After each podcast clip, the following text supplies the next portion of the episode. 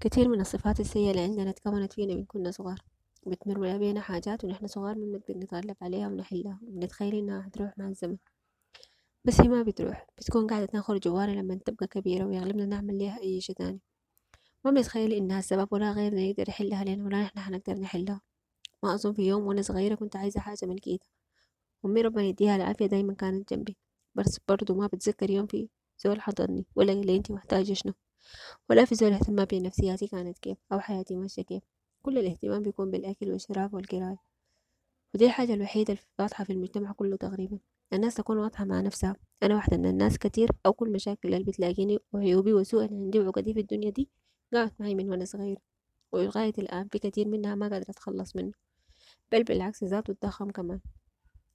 لو عايزين شوفانا يكونوا ناس كويسين ورهيبين لازم نخليهم يعيشوا في سلام نفسي. نحبهم ونحضنهم ونصفق ليهم ونقول لهم نحن بنحبهم دايما. لما نقوم ونحن ما متعودين نعبر عن حبنا بالكلام والأحضان والهدايا حيغلبنا تاني ذاته نتفاعل مع اللي بيعملوا لنا كده. فالحاجة دي أنا بعاني منها كتير في تواصلي مع الشفع بالذات. المهم الراحة النفسية دي ما حاجة هينة. بنحتاج ليها زي الموية والأكل ومرات أكتر والله في آخر حاجة أحب طفلك. أحبه الناس الكبار برضو. عبر عن حبك بالكلمات والهدايا المفاجئة والأوقات المتخصصة ليه طبطب عليه لما يكون حزين وواسي ومهما كان سبب الحزن صغير. حاولوا طلعوا للمجتمع ناس متزنين وسويين ما تطلعوهم زينا. لأنه والله نحن ما كويسين.